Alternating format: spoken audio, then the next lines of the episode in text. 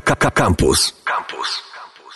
Kręte ścieżki, dzień dobry, Mateusz Kubiak z tej strony E, i poruszymy dziś temat, który z jakichś powodów poruszamy dość rzadko. Porozmawiamy sobie o Stanach. Dokładnie o stanie umysłu, jakim jest e, Teksas E, i książkę o takim tytule mam tutaj właśnie, posłuchajcie, jest książka. E, A z nami jest Artur Owczarski, witam. Witam serdecznie. Słuchaj, jak to jest z tym stanem umysłu? Do tej pory to było o Rosji, a tutaj widzę, że pojedziemy za morze i też.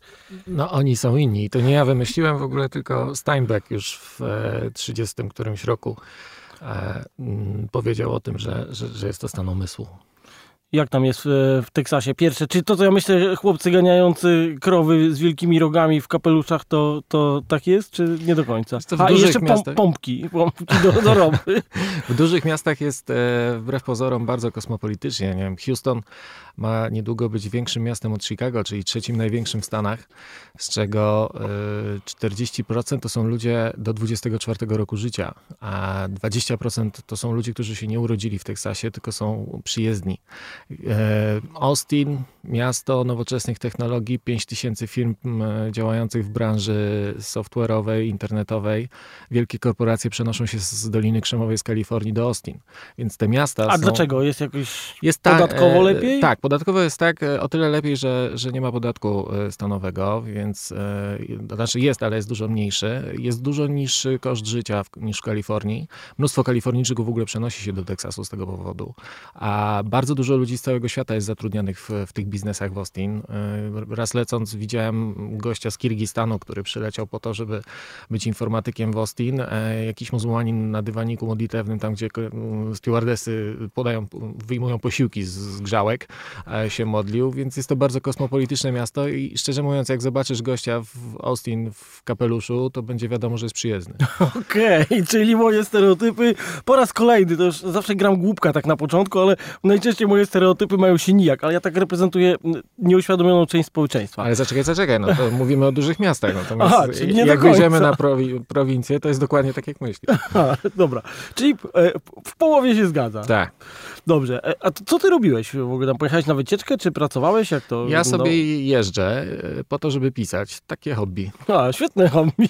Czyli najpierw siedzę pół roku w Polsce, szukam materiałów, zastanawiam się o czym pisać, szukam kontaktów, piszę maile, pół roku czytam książki, e, analizuję, a potem mam już umówione spotkania, miejsca do odwiedzenia i jadę i realizuję plan.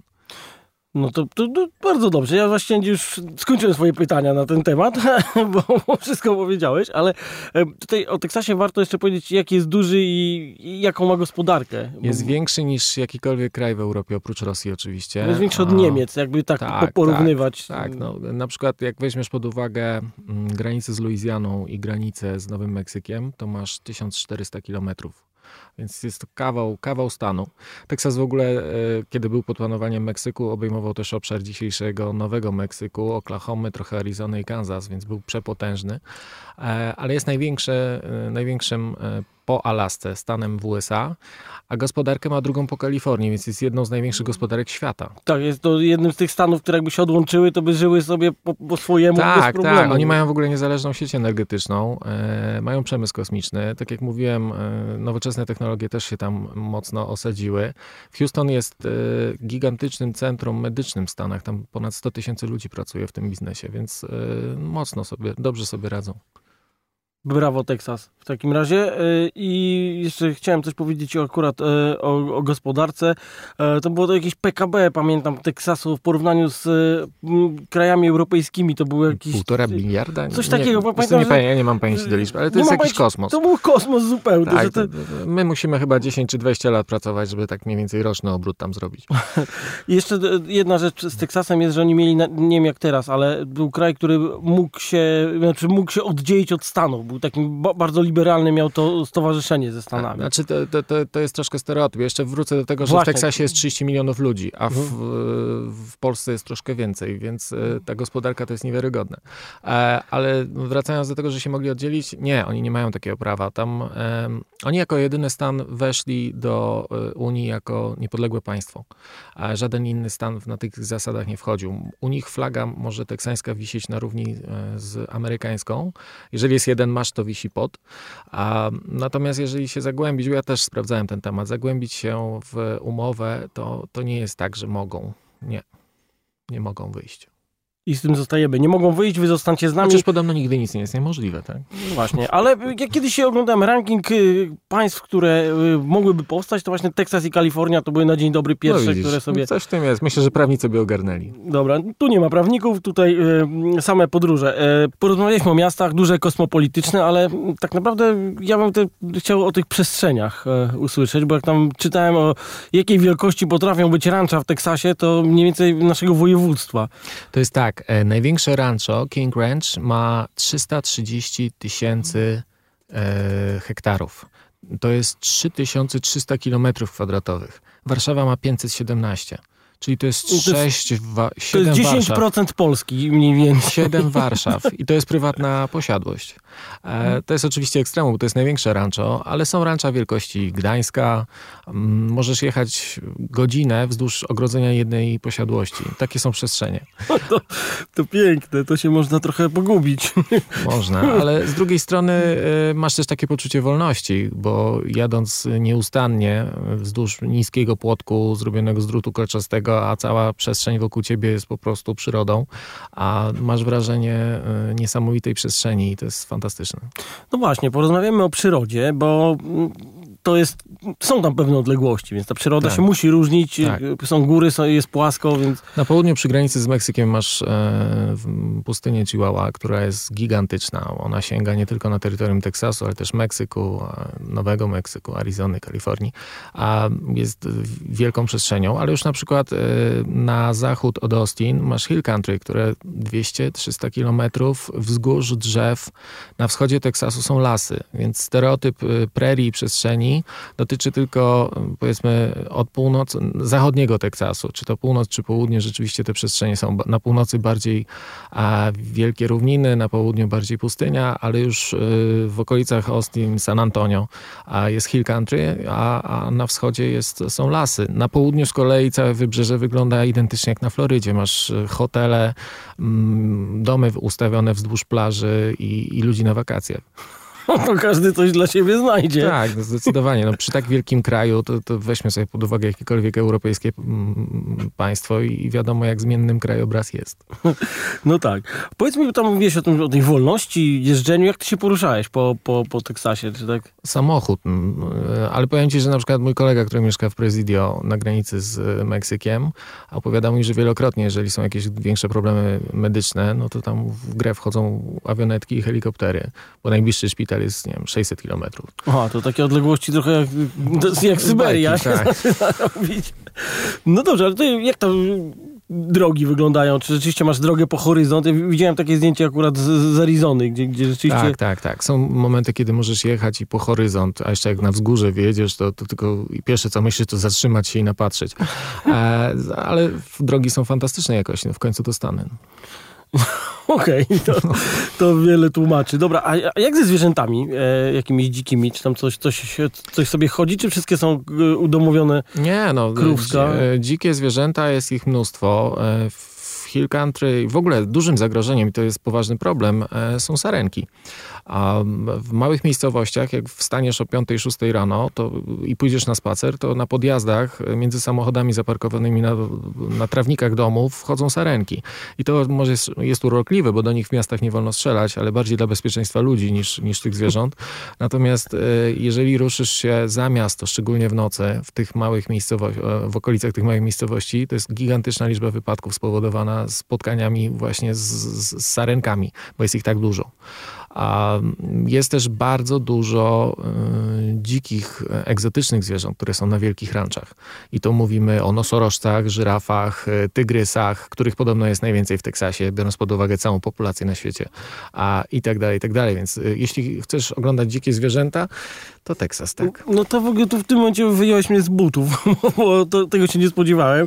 Ale dlaczego nosorożce? Co to za historia w ogóle? A są e, i to jest tradycja, która ma z 50 lat, e, które To się wywodzi trochę z historii z tego powodu, że e, na początku były wielkie stada, które pędzono przez e, obszar całych Stanów na północ. E, znamy to z westernów. Potem rancha zaczęły być grodzone, więc takie wielkie spędy bydła na północ już nie były możliwe, bo miałeś wszędzie ogrodzenia. Potem jak hodowali sobie swoje bydło na, na ranczach i mogli się z tego utrzymać, to jeszcze to trwało, a później to przestało być w wielu miejscach opłacalne, więc zamieniono to na Dude Ranch. A Dude Ranch to są takie miejsca, gdzie możesz przyjechać, poczuć się jak cowboy, pojeździć na koniu, postrzelać i, i fajnie spędzić czas. Ale oprócz tego masz rancha, które poszły w inną stronę biznesową, czyli mają u siebie dzikie zwierzęta.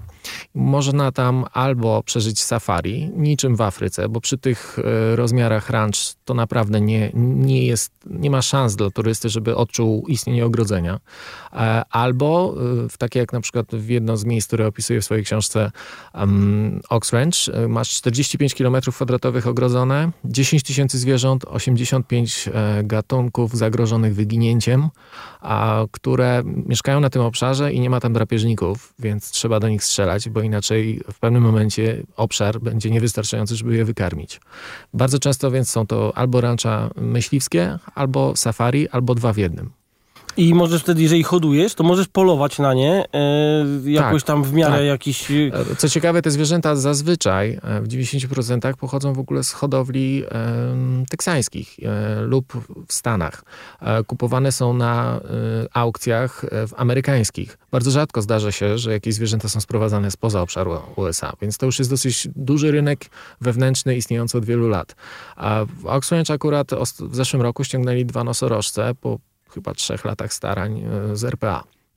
A, ale te nosorożce tam będą się rozmnażały i, i, i rzeczywiście jest to jakiś sposób na, na, na, na, przetrwanie gatunku. Na pewno nikt nie będzie do nich strzelał. No tak, bardziej nosorożce to jest chyba największe, najbardziej problematyczne zwierzę, żeby je e, utrzymać teraz. Tak, tak, tak, Pamiętam swoje uczucia rok temu w styczniu, jak w Namibii, e, w Etoszy widziałem jednego czarnego nosorożca. To było jak święty gral.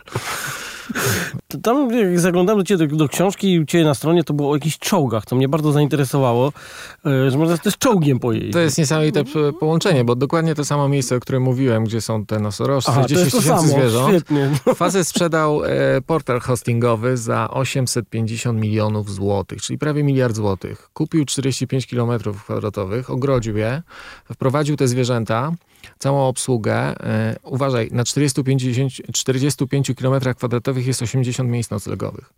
To jest taki klimat, więc przyjeżdżasz jak na inną planetę, masz drogę mleczną w nocy nad głową i totalną ciszę. I nikogo nie spotkasz, nawet jeżeli tak, jest tam Większość ludzi przyjeżdża na safari i przyjeżdżają myśliwi, tych, e, ale też są niezauważalni na takim obszarze. I e, pasjonat, właściciel, kupił sobie Shermana, pojeździł nim po rancho i stwierdził, że ludzie fantastycznie będą się czuli, jeżeli będą mogli zrobić to samo, a takie miejsce trzeba utrzymać. Więc jednym sposobem na dochód jest e, polowanie, a kolejnym możliwość przejażdżki i jedyne miejsce na świecie, gdzie można strzelać z czołgów. Mają ich ponad 11. Od y, czołgów z II wojny światowej niemieckich po rosyjskie. Jak tam byłem, mówili mi, że akurat y, w Gdyni stały im dwa T-72, które ściągali z Europy. Okay. Twierdząc, że rosyjskie czołgi jest znacznie łatwiej kupić, bo Niemcy to panu, e, pilnują, gdzie trafia ich sprzęt i leopardy niemieckie było trudniej ściągnąć, ale też je mają.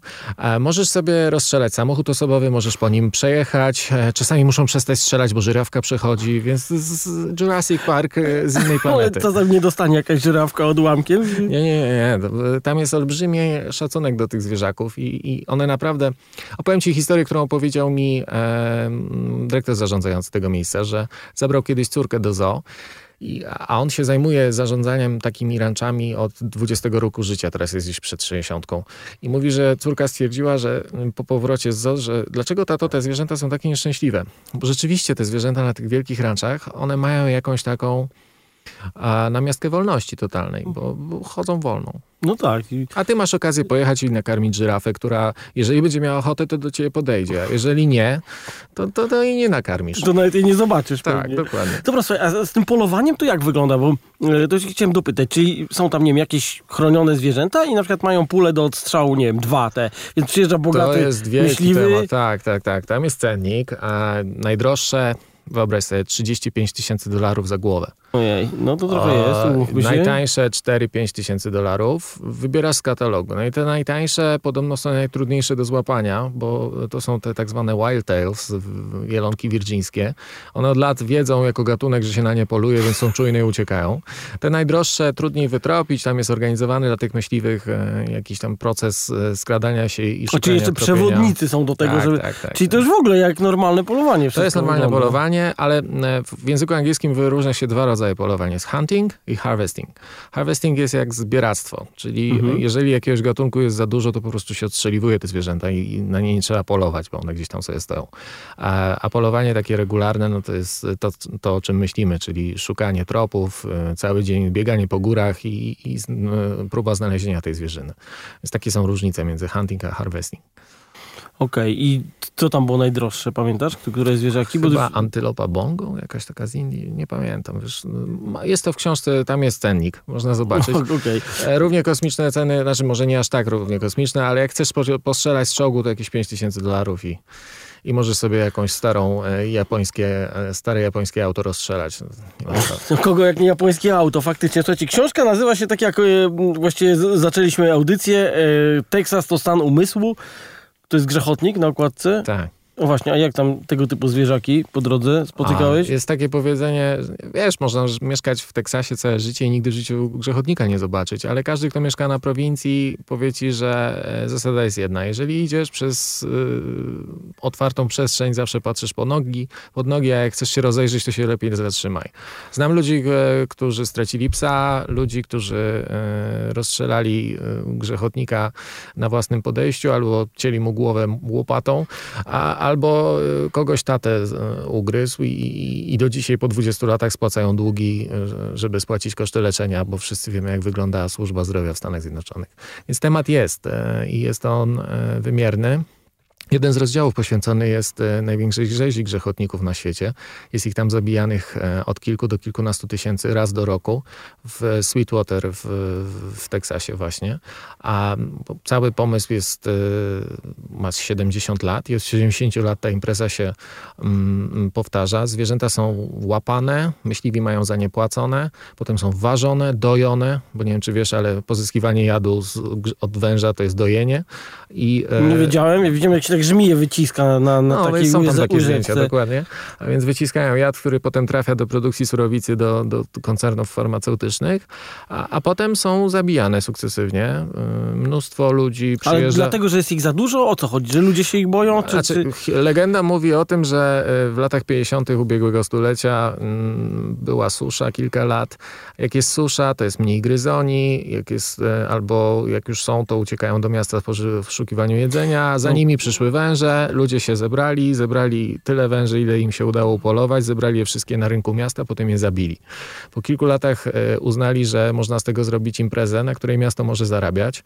I tak od 70 lat sobie to robią. E, Szacują, że wpływ na gospodarkę lokalną to jest jakieś 8 milionów dolarów e, z imprezy trzydniowego festiwalu. Z biletów, z ludzi, którzy się zatrzymali w hotelach i zjedli w restauracjach, a pieniądze są przeznaczane na cele charytatywne. Co ciekawe, populacja węży w ogóle się nie zmienia. To znaczy ona co roku jest inna, ale cała impreza nie ma na nią wpływu, ze względu na to, że jeśli mamy lata mokre, to tych węży jest bardzo dużo, bo wtedy jest dużo gryzoni. Jeżeli są lata suche, węży jest zdecydowanie mniej. E, Dla przykładu, ja też piszę o tym w książce, zaraz po tej imprezie w zeszłym roku, e, 20 kilometrów od miejsca, gdzie się odbywała, jeden z mieszkańców wyszedł, e, zajrzał pod dom, e, znalazł grzechotnika, zawołał firmę, która miała go usunąć, znaleźli 45 sztuk. A w starych opuszczonych domach w Teksasie, w systemach w, kanalizacji, można ich wyciągnąć nawet kilkadziesiąt, więc e, to są gniazda tak zwane. Okej. Więc możesz spotkać albo grzechotnika, który właśnie sobie gdzieś leży, albo możesz spotkać gdzie będzie ich kilkadziesiąt. No to ja bym chciał. E, Nie wiem jak wy e, w takim razie. A jeśli chodzi o służbę zdrowia, to był taki film o jednym facecie, który nie miał na leczenie raka i musiał e, gotować nielegalne substancje pewne. To dość Pamiętam. pokazuje jasno. Na puste, ale on to robił w Arizonie. w Arizonie. Natomiast jeśli chodzi o grzechotniki, to jest słynna historia, o której pisał nawet Washington Post, e, że jeden a, górnolotnych myśli mężczyzna próbował sobie zrobić selfie e, z grzechotnikiem, no i skończyło się na 150 tysięcy dolarów rachunku. A, więc to nie są przelewki. Także uważajcie. Selfie z grzechotnikiem nie robimy w tym odcinku. I jak to w, zawsze w tej audycji, musimy porozmawiać o kuchni. A Teksas kojarzy mi się z dobrym jedzeniem. Tak, ja, ja, cały czas staram się obalić mit, że Ameryka to hot dogi i hamburgery. To nieprawda, bo to jest kraj stworzony przez ludzi pochodzących z całego świata. E, I oni ze sobą przywieźli nie tylko języki, religię, muzykę, ale też przywieźli ze sobą jedzenie i kuchnię. I, i, i naprawdę można tam znaleźć mnóstwo ciekawych rzeczy. Teksańska kuchnia jest połączeniem jest tak naprawdę bardzo meksykańska. E, ogólnie kuchnia nazywa się Tex-Mex i e, dla mnie laika, który nie jest e, znawcą kuchni meksykańskiej, po prostu smakuje tak samo. A więc mamy wszystko. Tacos, e, quesadillas, burritos i tak dalej, i tak dalej. Ryż, dużo wołowiny, sosy. Ale taką specjalnością jest barbecue, które mm, istnieje jakby na dwóch płaszczyznach. Jedna to są e, barbecue joints, czyli jakieś takie miejsca gdzieś przy drogach, w małych miejscowościach, gdzie, gdzie kucharze pieką mostki cielęce i żeberka, albo cook-offs, czyli co tydzień w różnych miejscowościach, ale to nie tylko jest Teksas, ale również w innych stanach, odbywają się zawody, dokładnie w tym samym, w przygotowywaniu barbecue. I to jest styl życia. Ludzie podróżują od, od festiwalu od, do festiwalu. Od, imprezy do imprezy, dokładnie, ze swoich kamperach. E, wstają o trzeciej nad ranem, rozpalają ogień e, za pomocą drewna w przewoźnych, przywiezionych ze sobą piecach i, i robią barbecue. A ciekawe, że mm, barbecue a grill to, to zupełnie właśnie, co innego. O to, o to chciałem powiedzieć, bo dużo ludzi w ogóle nie widzi różnicy. No tak, no bo jak pojedziemy na polską stację benzynową, to kupimy węgiel, na którym będzie napisane barbecue. Albo kupimy grilla, na którym może być tak napisane. A to nie ma nic wspólnego, ponieważ grill po angielsku krata, e, wrzucamy coś na kratę i dosyć szybko przygotowujemy. Barbecue natomiast jest e, popularne na całym świecie, bo tak samo jest w Chinach, na przykład e, nieraz jadłem gęsi przygotowywane w ten sam sposób w Hongkongu, a że jest to proces bardzo długotrwały w stosunkowo niskiej temperaturze, na przykład 85 stopni, takiego pieczenia przez kilka, kilkanaście godzin. Czyli taki mostek na przykład, jeżeli wrzucimy go do pieca o godzinie 4 nad ranem, to będzie gotowy gdzieś o 15 następnego dnia. I na tym polega technika. E, tam oczywiście jest odpowiednie e, drewno, trzeba też zadbać później o wilgotność. Jeżeli chcemy, żeby go, utrzymywać go w stałej temperaturze i podać na przykład gościom restauracji po 4-5 godzinach, to on jest cały czas w podgrzewaczu, w którym znajduje się miska z wodą, żeby on cały czas był wilgotny i żeby nie wysuszał się, a już broń Boże nie odgrzewać go w mikrofali. To jest cała... E, ja sam przygotowywałem raz taki mostek od 4 nad ranem do chyba 12 w południe, więc przeszedłem przez ten proces. Wymaga to wiedzy. Ale rozumiem, że już potem to jest po prostu petarda. No jest petarda. E, powiem szczerze, że tak przygotowanego mięsa, czy to żeberek, czy, czy, czy mostku, to nigdzie nie jadłem. No. No tak. Poza tym oni mają e, dwa rodzaje krów. Te, te z farm, e, które są hodowane, antybiotyki, no tak jak u nas, a, i te, które są z, z wolnego wybiegu. A, wyobraź sobie, jak smakuje mięso z krowy, która sobie przez parę lat chodziła e, i skubała to, co tak, chciała. skubała trawę. Ja takie pamiętam masło na Ukrainie, które kupiłem i po prostu ono smakowało ziołami, które ta krowa jadła. To jest w ogóle... Innego a tak jak zamawiam steka gdziekolwiek poza Teksasem, to mam od razu obawy, czy znowu będę zawiedziony i może wybrać coś innego. tak, to ja po, po wizycie w e, stekarni argentyńskiej w Amsterdamie po prostu to już, to już, się nie już się nie wróci. Ale Japończycy mają swoją, prawda? E, no, ja zdecydowanie jestem zwolennikiem Teksasu ze względu na to, jak bardzo lubię tam być. I, no dobra, tam to, to jak taki stek w Teksasie wygląda? E, jest takie miejsce, które jak jechałem drogę 66 e, na północy w Amarillo, mm, bardzo popularne na drodze 66, gdzie mm, taki stek ma 72 uncje. I e, restauracja, która ma 50-60 lat, reklamuje się, że jeżeli przyjedziesz i zjesz tego steka, dużego ziemniaka, sałatkę z krewetek, jeszcze tam parę innych rzeczy na raz w ciągu 60 minut, to nie musisz płacić. Ja myślałem, że to jest chwyt marketingowy, bo ja zjadłem mm, czterokrotnie mniejszego i ledwo go w siebie zmieściłem. Natomiast e, na stronie restauracji jest rzeczywiście informacja o paru tysiącach ludzi, to głównie z całego świata, którym się to udało. Nie wiem, jak razu, to jest realne. Od razu cię wpisują? Tak, wpisują cię. Jak jesz, to stoi nad tobą kelner i, i musi, e, ostatni kęs musisz połknąć przed upływem 60 minut. Są zegary na ścianach. E, cała restauracja żyje tym wydarzeniem. A, ale w, w, uwierz mi, zjedzenie 72 e, uncji... To jest, jest ile? 72 uncje to jest razy 3, tak? Nie wiem, z, z 400... Nie no, może nie cały kilogram mięsa. No. Okej. Okay. Masakra. Ale pamiętaj, że masz jeszcze ziemniaka. No tak. E, sałatkę z krewetek i mnóstwo jeszcze tam innych dodatków, więc e, to nie jest samo to mięso. Nie samo. I nie samymi hamburgerami i hot dogami Ameryka żyje, także to sobie zapamiętajcie. I jeszcze byś mi coś powiedział o ludziach, bo tak powiedzieliśmy o wszystkim, ale tak naprawdę o grzechotnikach, o jedzeniu, o, o, o krowach, a, a co o samych ludziach? Jak tam kontakty, kontakty wyglądały? Y, ja się skupiłem głównie w książce na y, Banderze, czyli y, drugiej najstarszej polskiej osadzie w USA, założonej przez Polaków, 16 rodzin, a w połowie XIX wieku. Spotkałem się tam z gigantyczną uprzejmością. Oni, mm, jakbym miał ich opisywać, to powiedziałbym, że są to ludzie, którzy dokładnie wiedzą, czego chcą, są bardzo silnymi patriotami lokalnymi, a mogą przez resztę Amerykanów postrzegani są jako zarozumialcy, ale są nieprawdopodobnie gościnni. Jeżeli przyjedziesz, nie będziesz chciał zmieniać ich rzeczywistości, to ci nieba uchylą. I tak właśnie jest w Teksasie. Zawsze opowiadam taką historię, jak wracałem z Teksasu do Polski za którymś razem i wylądowałem na lotnisku w Paryżu. Czekałem na samolot do Warszawy, stojąc z kapeluszem teksańskim w ręku. Podeszły do mnie dwie Amerykanki i Amerykanin i zapytały mnie skąd lecę. Ja mówię, że z Houston, stąd do domu.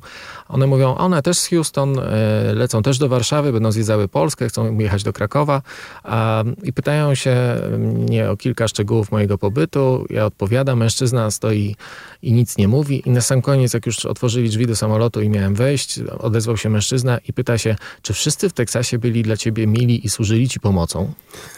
Zadalibyście takie pytanie obcokrajowcowi na lotnisku w Chopina? Nie, jeszcze na lotnisku na innym terenie. Albo no jeszcze na innym terenie. Okej, okay, to wiele tłumaczy. Ale powiedz o tej, o tej y, y, polskiej miejscowości, bo, bo, to czasami ciekawe historie Tak, wychodzą. Bandera jest miejscem, e, które nie dość, że jest drugą najstarszą polską osadą, to jeszcze w 2016 została mianowana przez amerykański kongres e, światową stolicą kowbojów. I jest to nieprawdopodobne, że druga najstarsza polska osada ma taki tytuł. A bierze się to stąd, że w połowie XIX wieku e, były tam, zaczynał się tam Western Trail. E, kilka milionów sztuk bydła zostało tam zgromadzonych przez dwadzieścia parę lat i były potem te stada pędzone na północ, gdzie, gdzie po wojnie secesyjnej był duży problem z głodem. I od tamtych czasów kultura kowbojska w tej miejscowości jest bardzo silna. Ludzie przyjeżdżają wieczorami do pubu na koniach, e, muzykują sobie, grając e, muzykę country w, w lokalnych barach. Stała się też swojego rodzaju, swojego rodzaju mm, miejscem turystycznym, ale miasto bardzo dba o to, żeby na przykład tam nie ma ani jednego hotelu.